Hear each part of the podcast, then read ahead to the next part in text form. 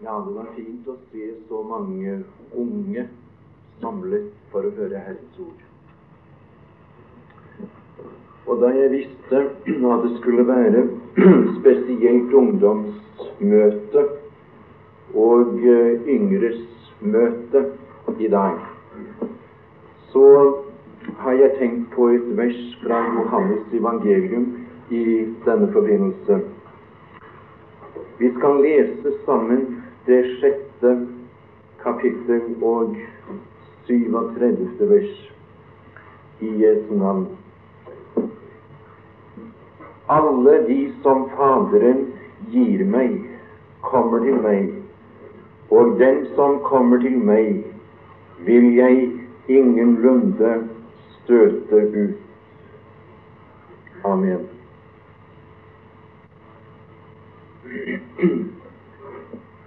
Jeg føler meg sikker på omtrent da at når jeg sa Johannes 6, 37, så visste de fleste her i denne forsamling hva som står i det skriftstedet.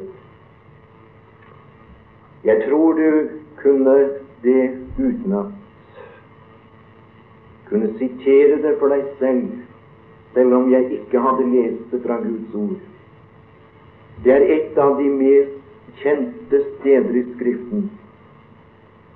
Og jeg tror, og jeg tenkte på det forresten i ettermiddag Jeg tror der er en stor flokk i herligheten hjemme hos Herren, som allerede har gått inn gjennom perleportene som er i hans umiddelbare nærhet, som ble bundet for Gud nettopp gjennom disse ordene. Og jeg skulle ønske at det var noen som det allerede har vært antydet og bedt om, at det var noen her i dette yngres møte som fikk oppleve et møte med Kristus gjennom disse ordene. Ble frelst, ble gjenfødt i denne stund. Nå eh, har du lagt merke til at når det i alminnelighet blir talt over dette skriftstedet, så stanser man helst for den siste delen av verset, nemlig disse ordene den som kommer til meg, vil jeg ingenlunde støte ut. Og det er gode ord. Men jeg tror vi skal prøve ved Guds ånds ledelse nå å betrakte dette verset i sin helhet. Og da vil jeg først gjøre oppmerksom på hva det står til å begynne med i verset. Legg merke til disse ordene. De er meget viktige. Alle de som Faderen gir meg, kommer til meg. Altså her sies det uttrykkelig, og jeg vet ikke om du har tenkt på det før, men prøv å ta opp den tanken nå, om du ikke har gjort det tidligere. Den som kommer til den Herre Jesus, han er en gave fra Faderen til Sønnen. Det er noe av det som har gjort livet for meg rikt, at jeg har fått se at jeg er blitt brakt til erkjennelse av at Kristus fikk en gave den dagen jeg ble frelst. Det er ikke en troende i Vågsbygd, og det er ikke en troende på jorden som ikke er oppmerksom på at han fikk en gave da han ble frelst. Hun fikk en gave. Hun mottok Kristus. Han sa, 'Herre Jesus, jeg tar imot deg Det er ikke en som ikke er oppmerksom på det. Men jeg har lagt merke til denne tanken er mer fremmed iblant oss troende, og kanskje særlig blant de unge, og jeg synes det passer spesielt for dere. Tenk om dere kunne gripe det allerede nå, i de unge år. Hør nå. Tenk den dagen du ble frelst. Den dagen du kom til Ham. Da fikk Han en gave. Kristus. Og den dagen jeg kom som 14-årsgutt Gud gikk etter meg. Gud ettersøkte meg. Jeg var ikke mer enn elleve år gammel da jeg første gang i mitt liv merket at Gud talte til meg. Og jeg vil aldri kunne glemme da, da jeg krøp opp i fanget til min far som elleve års gutt og sa 'Jeg har det så vondt', var Gud som talte. Men jeg, jeg prøvde å komme klar. Dessverre altfor lenge. Men eh, som 14 års gutt opplevde jeg et frelsende møte med Guds sønn. Gud være takk. Det skjedde ikke på et vekkelsesmøte, og det var ingen som direkte talte til meg. Men uh, jeg gikk ut i skogen. Det var en grå høstdag. Det var på formiddagen. Og så ble Guds ånd meg forsterket der. Jeg gikk i ensomheten. Og så løp jeg hjem. Og så sa jeg til min far Far, jeg kan ikke klare dette lenger. Jeg holder det ikke ut. Jeg må bli frelst. Og den aften, eh, unnskyld, den dagen, den formiddagen, da falt jeg ned på mine kne foran fars gamle, slitte bibelbok. Og så var det et ord om blodet, det velsignede, dyrebare blod som fløt for meg på korset, det hellige blod. Det var det som grep mitt hjerte. Og så kan jeg si det har holdt hele tiden. Og jeg vet det skal holde. Og den dagen jeg skal over grensen, når jeg skal inn i helligheten, enten det blir ved at Herren kommer, som vi hørte, en vidunderlig tanke Vi ser frem til det møtet. Og det kan hende vi skal tale litt om det i våre møter nå, hvis Herren skjenker nåde til det, og vi får være samlet her. Men det skal holde om jeg må forlate denne hytte, sette legene og gå over grensen ved døden. Jeg går direkte hjem på blodets grunn. Hvorfor? Ja, blant annet av den grunn jeg er blitt en gave fra Faderen til Sønnen. Kristus fikk en gave den dagen du og jeg ble frelst. Setter han pris på denne gaven? Er han begeistret for gaven? Vi kunne gjerne spørre, kanskje først Hvem fikk den største gave? Har du tenkt på det? Si meg. Hvem fikk den største gaven den dagen du og jeg ble frelst? Var det han, eller var det du og jeg? Jeg tror at uh, vi er enige. Det er ingen dissens om dette. Jeg tror at vi, vi samstemmer i det.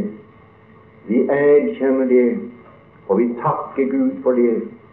Det var vi som fikk den største gaven, for vi mottok Guds sønn. Og så har Gud elsket verden at han ga sin sønn den enbårne for at hver den som tror på ham, ikke skal fortapes, men ha evig liv. Men om vi nå forandrer litt på spørsmålet, og som jeg forresten allerede har antydet Hvem satte mest pris på gaven han fikk? Hør nå, tenk litt over det, og jeg tror det skal gjøre deg godt Jeg tror det skal bevirke at det blir usigelig stort for deg i ditt liv å være et frelst menneske. Hvem elsker gaven høyest? Ja, da er det heller ikke tvil. Det er naturligvis Han som elsker mest. Han som gikk til Golgata. Han som var under Guds dom og vrede. Han som inntok din plass der. Han som vant din seier da han gikk i døden for deg. Ordnet din sak med hensyn til dom og skyld og straff og vrede. Jo, han setter pris på gaven. Og vi vil aldri i denne verden tilnærmelsesvis kunne sette så stor pris på at han hører oss til, som han setter pris på at vi hører ham til. Skal vi gå til Høysangens bok, og vi leser der Høysangens bok, det er det er boken om brudgommen og bruden. Og når vi går til Høysangens bok, så må vi lese der med et åndelig sinn. Vi skal huske at brudgommen er Kristus. Brudgommen er vår frelser, og bruden er alle dem som han har frelst, og som han får frelse i den verden. Og så leser vi der i det annet kapittel, Høysangens bok, der etter predikeren. Der står det, 2. kapittel, vers 16. Det er bruden som taler høy Og så sier hun Min elskede er min. Legg merke til det. Min elskede er min. Kristus er min. Ja, det kan jeg si i aften. Kan du si det? Og hvis det er en eneste her som, som ikke kan si det av hjertet, så skulle jeg ønske at du måtte kunne si det fra, fra denne stunda. Å, det ville, det ville kaste glans over dette ungdomssamværet. Om det var en av dere, ja, gjerne flere, som falt på sine kne og sa, Herre Jesus, jeg tar imot deg. Begynte å takke for gaven.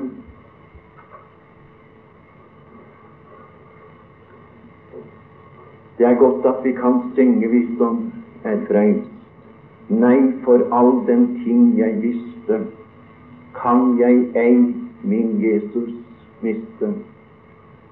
Du kan by meg hva du vil i denne verden, og jeg tør si det er ingenting som, som uh, frister meg til å forlate ham, gå bort fra ham.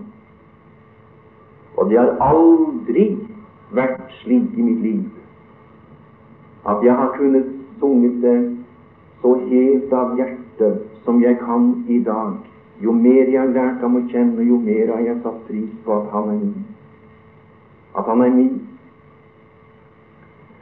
Og jeg har aldri heller opplevet å bøye mine kne sammen med en synder som søkte frelse og opplevde frelse, uten at jeg har merket at han har sagt på en eller annen måte når han takket Herren Han har sagt 'Takk, Herre Jesus, fordi du er min'. Takk fordi du er min. Vil ikke du begynne å takke?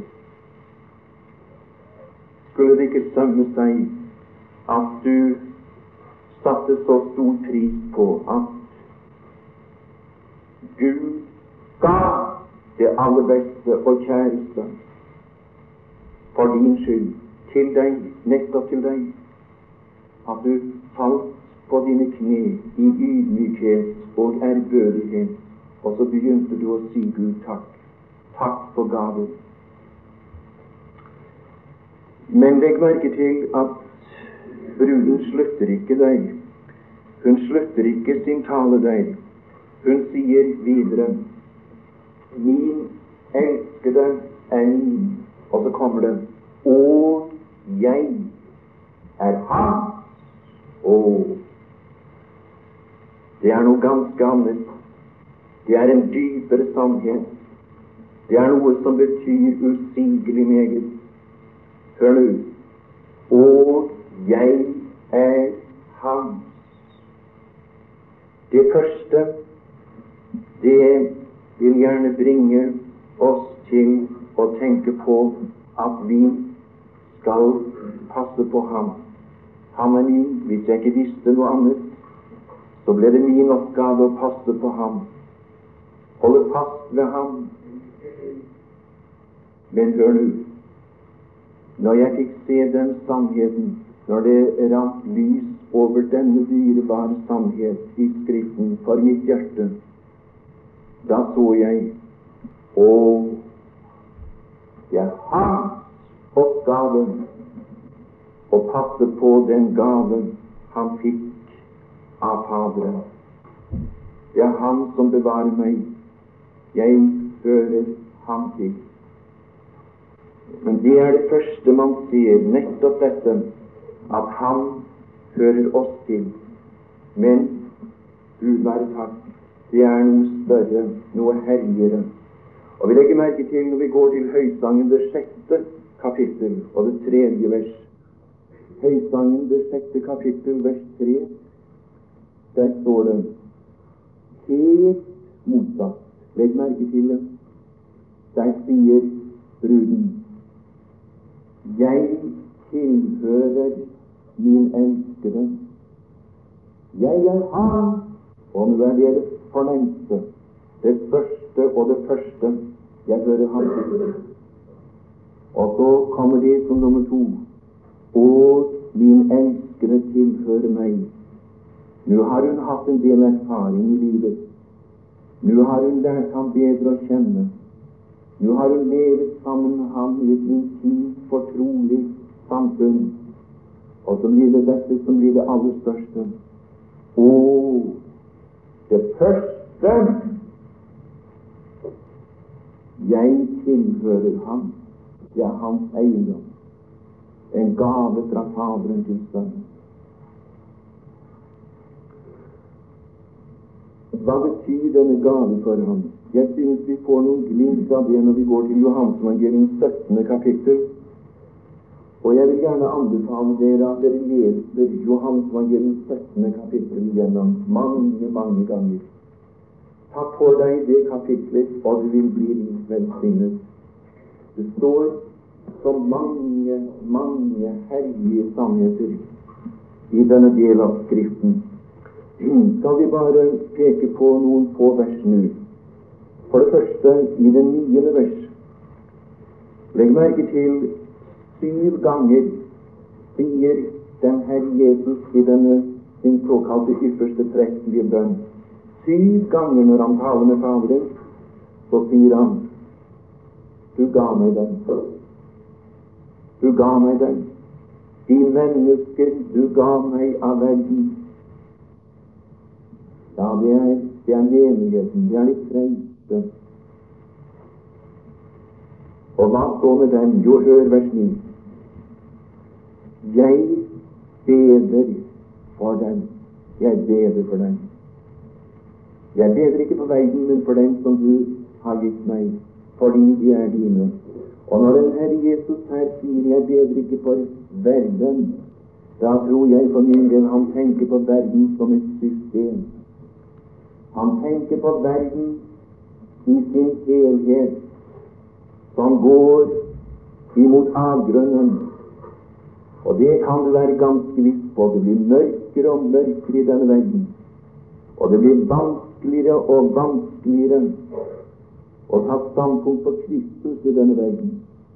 For noen år tilbake, mine tilhørere, la meg minne dere unge venner om det, så var det nesten det samme hvor du kom omkring i landet vårt så, så ble du stående der. Det var gjerne bestemt en ukes møter, eller kanskje to. Men du ble der gjerne på månedsvis. Hvorfor?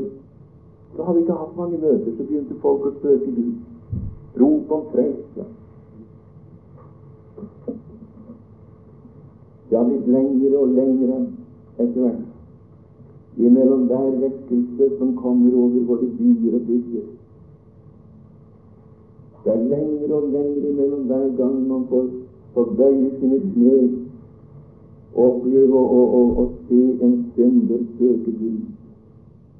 Jeg skal si deg jeg har en lengsel, og det er en ting jeg har bedt Gud om mer enn noe annet i den senere tid. Og det er forunn meg å få oppleve det mer enn jeg har gjort før. Oftere enn jeg har gjort. Og det synderen søker deg. Kom i nød, rop om frelse, opplev følelse. Bli dine. Jeg har et brennende ønske i aften for dette ungdomsmøtet. At vi må få lov til å bøye våre kne før dette møtet er oppløst, og lede noen til ham. Lede noen til ham. Er det slik? Er han ditt rik?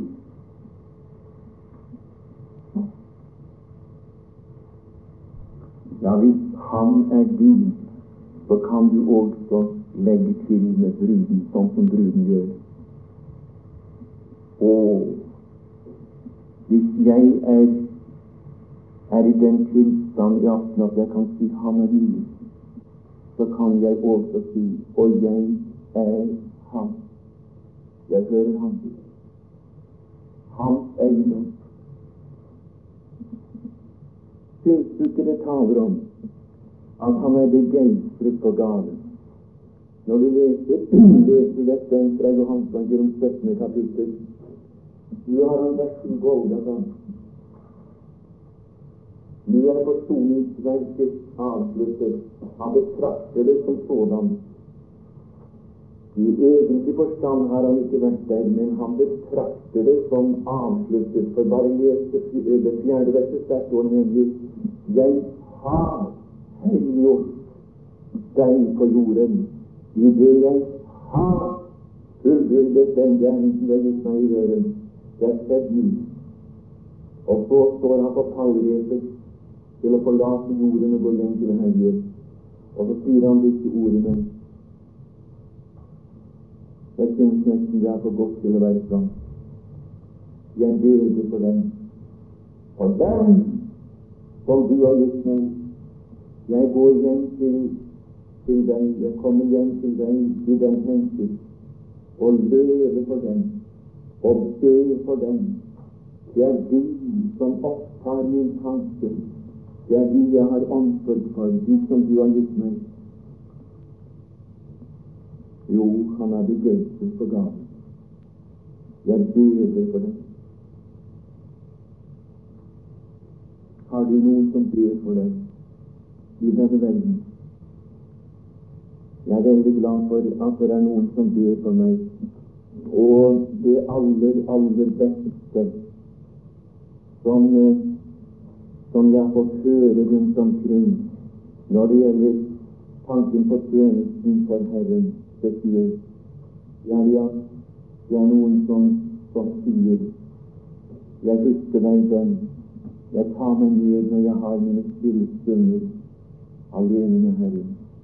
Jeg nevner ditt navn og det store tid hva det har betydd, hvor oppmuntrende det er. Få en hilsen fra noen som, som kan si 'Jeg husker deg for lovens trone'. Har du noen som ber for deg? Det står i uh, Ordspråksboken, det 18. kapittel, vers 24. Det står så fint i den engelske gjenlydelse, synes jeg.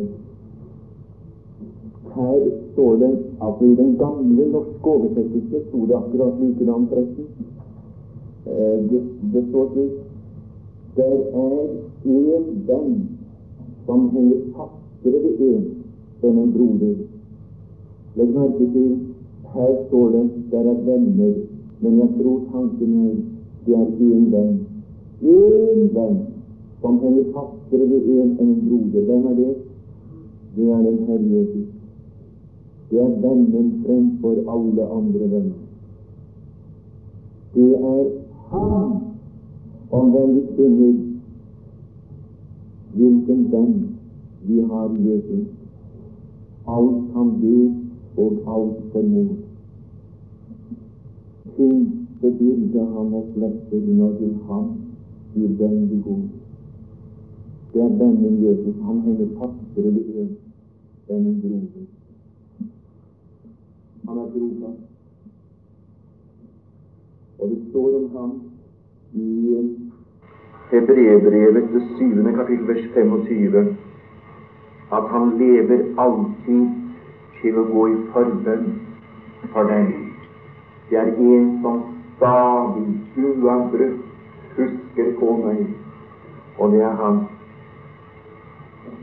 Hva forstår du ved det at Kristus går i forbønn for deg? Jeg undres hvorledes du oppfatter det. Jeg vet at det er så mange som i likhet med meg selv Jeg så det nemlig sånn i lang tid. Det at Kristus er min forbeder, det, det, det forsto jeg på denne måten. Gud er vred. Gud er misfornøyd. Og da står den Herre Jesus, denne gode, snille, kjærlige person, i Guds nærhet og trygler og ber om at Gud skal være snill med meg se gjennom fingrene med synd osv. Nei, det er ikke på den måten. Gud er for oss i Kristus, sier evangeliet. Så det, det, er ikke derfor han er der hjemme. Men er det da nødvendig med noen forbedring hvis, hvis Gud er for oss? Ja, det er meget nødvendig. Ikke minst av den grunn at det er så lite bønn i vårt liv. Det burde være mer bønn i mitt liv. Jeg vet at de beste og helligste stunder har jeg hatt når jeg har vært ganske alene med Herren. Men jeg må på samme tid erkjenne det har vært så lite bønn når det kommer til stykket i mitt liv. Da er det godt at det er en som ber alltid. En som ber. Å, han er der som vår forbeder på tronen. Og så står det i Johans evangeliums tiende kapittel, og det er det tredje vers, at han kjenner vårt navn. Jeg er veldig glad for han vet om mitt navn. Kaller sine får ved navn og fører dem ut. Tar det akkurat som det står her. Han kjenner også mitt navn. Og la meg få lov å minne deg om han vet om ditt navn. Og så står det i Åpenbaringens bok, det andre kapittel og det trettende vers. Jeg vet hvor du bor. Jeg vet hvor du bor. Han vet også hvor du bor. Du som er på et meget utsatt sted, legg merke til at det står videre Jeg vet hvor du bor, der hvor Satan har sin krone. Det er noen av dere som ikke har det så lett. Det er noen av dere som bekjenner Kristus, som er på et utsatt sted. Kanskje det er vanskelig i ditt hjem. Alene som trone i hjemmet. Det er ofte hårdt, det. Og han vet hvor du bor. Han kjenner ditt navn, og han nevner deg og dine vanskeligheter for tronen. Du kan være ganske sikker om det. Du betyr så ustigelig meget for ham, fordi du er en gave fra Faderen til Sønnen. Og i det ellevte vers i samme kapittel, altså Johans evangelium 17. kapittel, vers 11, der sier han til Faderen Hellige Fader, bevar dem i ditt navn som du har gitt meg. Bevar dem. Ta hånd om dem. Vern om dem. Og sørg for at de kommer hjem en dag. Jeg synes at dette taler om en, en omsorg som er ubeskrivelig. Tenk litt over det nå. For det første så fikk han en gave fra Faderen Og så leser vi her at han tar denne gaven, og så legger han den i Faderens hånd. Og så sier han til, til Faderen Ta du hånd om den, bevar den Gud. Hvorfor sier han dette? Og hvorfor er dette nedskrevet i Bibelen? For å gi, gi deg og meg visshet om at vi en dag skal komme igjen. Der er så mange som går og tviler. Og jeg kan ikke skjønne hvorfor det skal være slik at man, man absolutt skal tvile. Det går meget ut på det i forkynnelsen også. Du må ha litt tvil. Om ikke så mye, så må du ha litt tvil. Og jeg skal si deg, du kan ikke ære Kristus og Faderen i denne verden på noen bedre måte enn at du har tillit til ham. Tillit til ham! Han har sagt ingen skal rive dem ut av min hånd. Og han har sagt ingen kan rive dem ut av min Faders hånd. Så regner jeg med det. Og jeg husker at en venn av meg inne i Oslo Hvis far var forkynner, talte Guds ord også her i landet i mange, mange år Han brukte en sånn glimrende illustrasjon, fortalte min venn. Altså, faren han skulle fremstille dette med bevarelsen for sine barn da de var små. Og så tok han et kronestykke og holdt det opp. Og så sa han dette kronestykket skal illustrere eh, oss. Det er den som den Herre Jesus har frelst. Det er synderen som han fant, og som han, som han frelste av nåde, som han grep fatt i.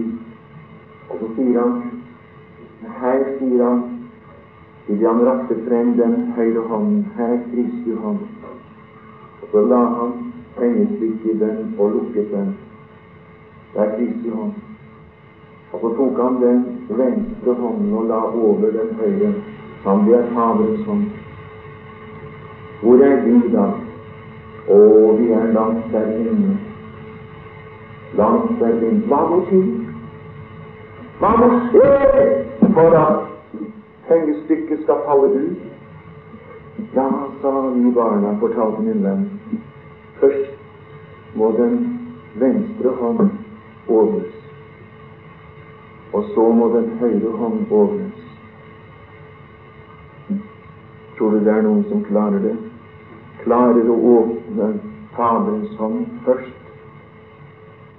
og så etterpå åpne den naglemerkede hånd. Var en som grep meg, godt folk, jeg skal si dem til hans ære. Jeg bryr meg ikke om hva menneskene tenker og sier. Jeg bryr meg mer og mer om Gud være takk hva han mener. Hva han mener. Så det er ikke derfor jeg kommer til Vågsbygd. Det kan du være ganske viss på for å tilfredsstille noen her. Jeg er kommet her for å si noe godt om min frelser, og det aller beste jeg kan si om ham, er deg Han skal være en mann for.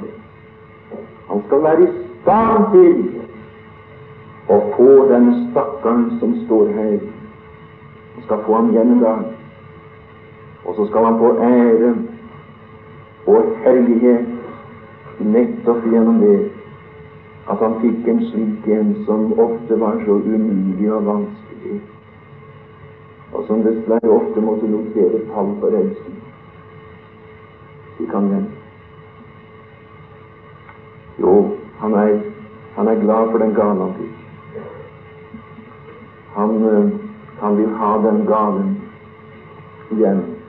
Og hør nå, vers 10. Jeg er helliggjort i den jeg er helliggjort i den. Han hadde en gave, han hadde unnskyld en hellighet, en hellighet, men den forlot ham. Han forlot helligheten. Hva denne hellighet bestod i, det vet vi i grunnen svært lite om, men vi forstår det var noe vidunderlig, noe stort, noe, noe som overgår all vår sans og vår fatteevne det han hadde der hjemme i høyheten. men han forlot den. Men så, så ser han frem til Så ser han nå i sin, i sin bønn her, i det han taler med Faderen, ser han frem til at han skal bli helliggjort på en annen måte, på en bedre måte. Ja, jeg tror det. Det helliggjøres i den. I kan han bli helliggjort i slike som du og jeg er. Ja, det er den gave han fikk av Faderen. Det er den som skal helliggjøre Kristus når det kommer til stykket. Å, jeg skal si deg, min venn, han skal få hellighet og ære og pris og takk, ikke bare som skaper, ikke bare som skaper. Det er det som tales om i Åpenbaringsbok i fjerde kapittel. Men i det femte kapittel der står det han skal få ære og takk og pris som forløser. Som forløser. Han, han, han maktet å forløse disse. Fremstille dem for seg i hellighet uten plett eller rynke eller noe sådant. Og da skal han få ære. En dag skal han vise dem frem. Han kommer for å vise frem. Han kommer som kunstner han kommer for å vise frem det han har fått ut av mm, synder i denne verden som han fant og frelste.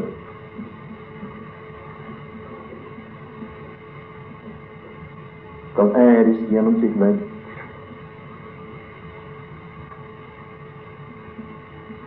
Da skal du og jeg være fullkomne. Hva er det han ville? var det det han mente når du sier englene.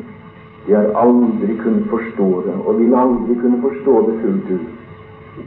Men den dagen skal vi si, når Han har forløst sine, endelig forløst dem og ført dem hjem til herligheten, var det det han ville? Var det det han mente?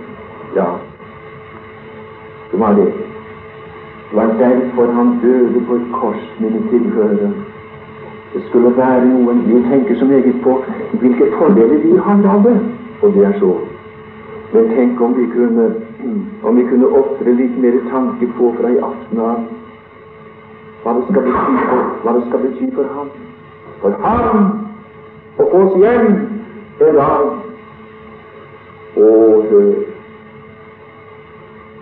det var derfor han døde på et kors han ville vinne seg noen der kunne omgi ham gjennom alle evigheter. Og han er begeistret for gaven.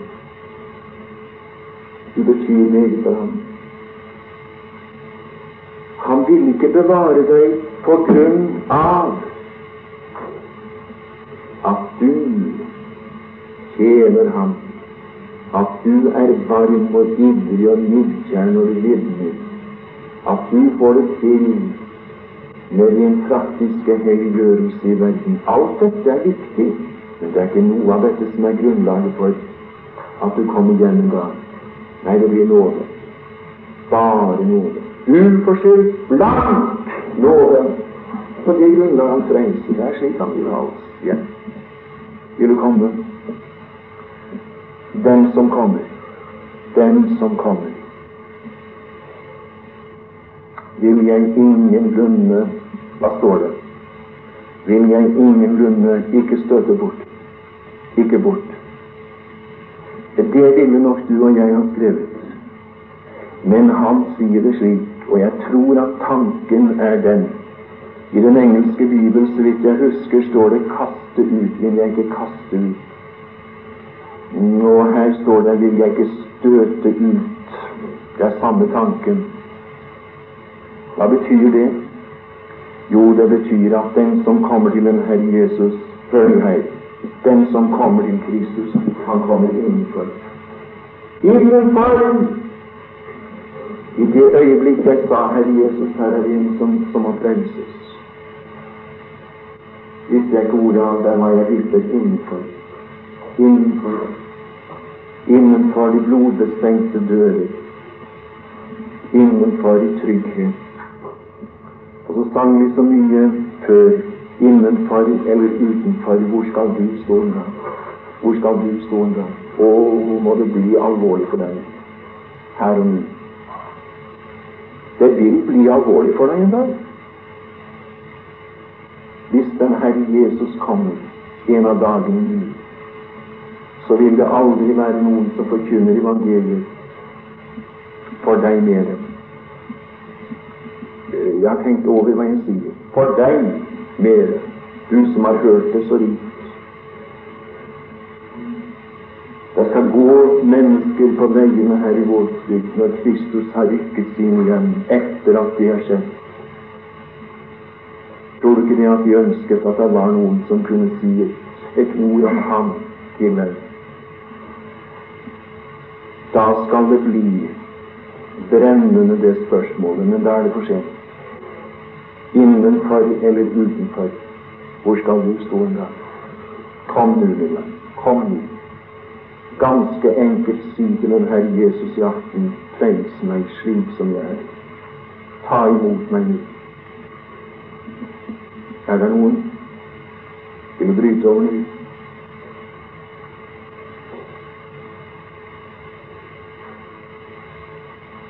Ja, vi takker deg, vår Gud, at vi kan i stillhet få sitte ned og lytte til ditt ord, og jeg kan stå her som din tjener og prøve å løfte deg høyt på denne syndens jord. Og jeg takker deg, Fader, fordi at disse sannheter som jeg her har prøvd å peke på for de unge i aften, de har de har betydd så meget i mitt liv. Alene du vet hvor meget de har betydd. Men jeg vil gjerne få lov til å si deg takk for mitt. Takk at du åpnet mine øyne for denne hellighet på et så tidlig tidspunkt i mitt kristne liv. Herre Jesus, hva det har betydd. Å Herre, mitt hjerte strømmer over av takk og tilbedelse. Og jeg ber deg, la det være noen det ser faktisk ut for vi kan ikke regne massen når vi taler om slike ting som det vi her har vært inne på. Men må det være noen av de unge her som griper dette for første gang i aften, som aldri har tenkt på det før. Og må det være noen som får kjenne at livet blir rikt nettopp fordi de fikk øye på disse ting. Frels en synder før møtet er slutt. Hellige Jesus, la oss få se noe ved korsets fot.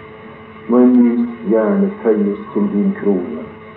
Å Herre, vi, vi vil det spesielt for din skyld. Du som var så vid som ingen vet. Takk og takk og takk at du fant meg, og jeg undres hvorfor Jesus stanset meg og tok meg opp. Det er det største under for meg i livet. Velsign møtene fortsatt.